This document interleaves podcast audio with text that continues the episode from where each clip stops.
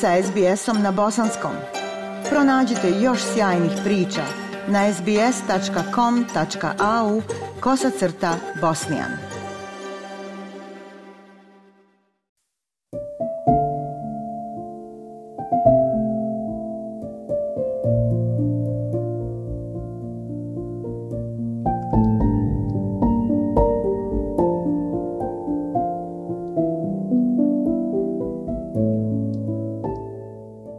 Danas se navršava godinu dana od smrti Amira Bukića, dugogodišnjeg novinara SBS radija na bosanskom jeziku, dirigenta i vođe Hora Sevdalinka, prijatelja, kolege, voljenog oca i supruga. 10. septembra 2022. prestalo je da kuca plemenito srce Amira Bukića, izgubivši dugu i tešku bitku sa opakom bolešću.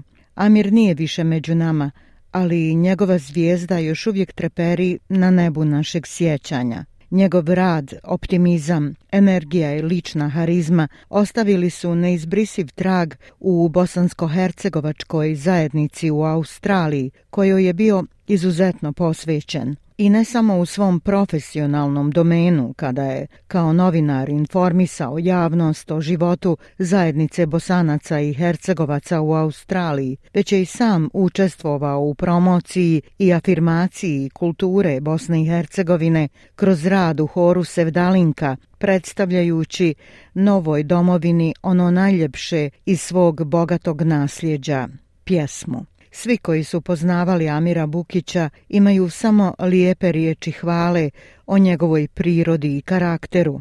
Ljubazan, nježan, odmjeren, odgovoran, mudar, plemenit. Mnogi su ga voljeli i sigurna sam da mnogima nedostaje. Meni kao kolega i prijatelj neprestano.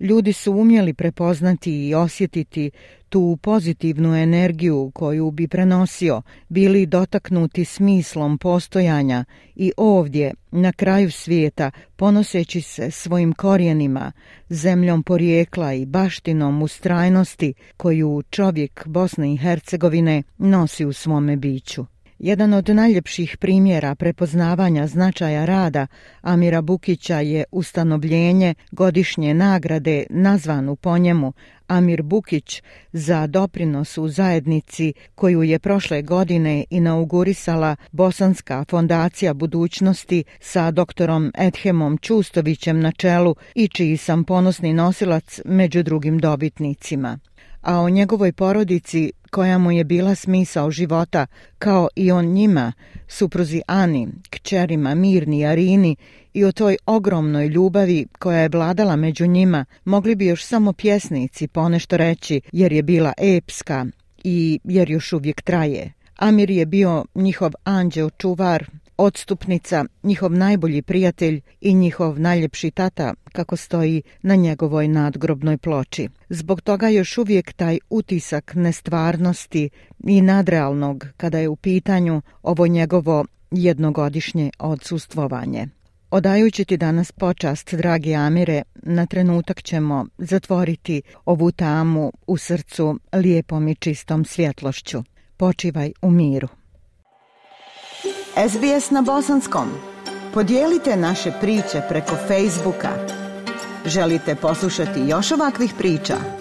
Slušajte preko Apple podcasta, Google podcasta, Spotify ili kako god da primate svoje podcastove.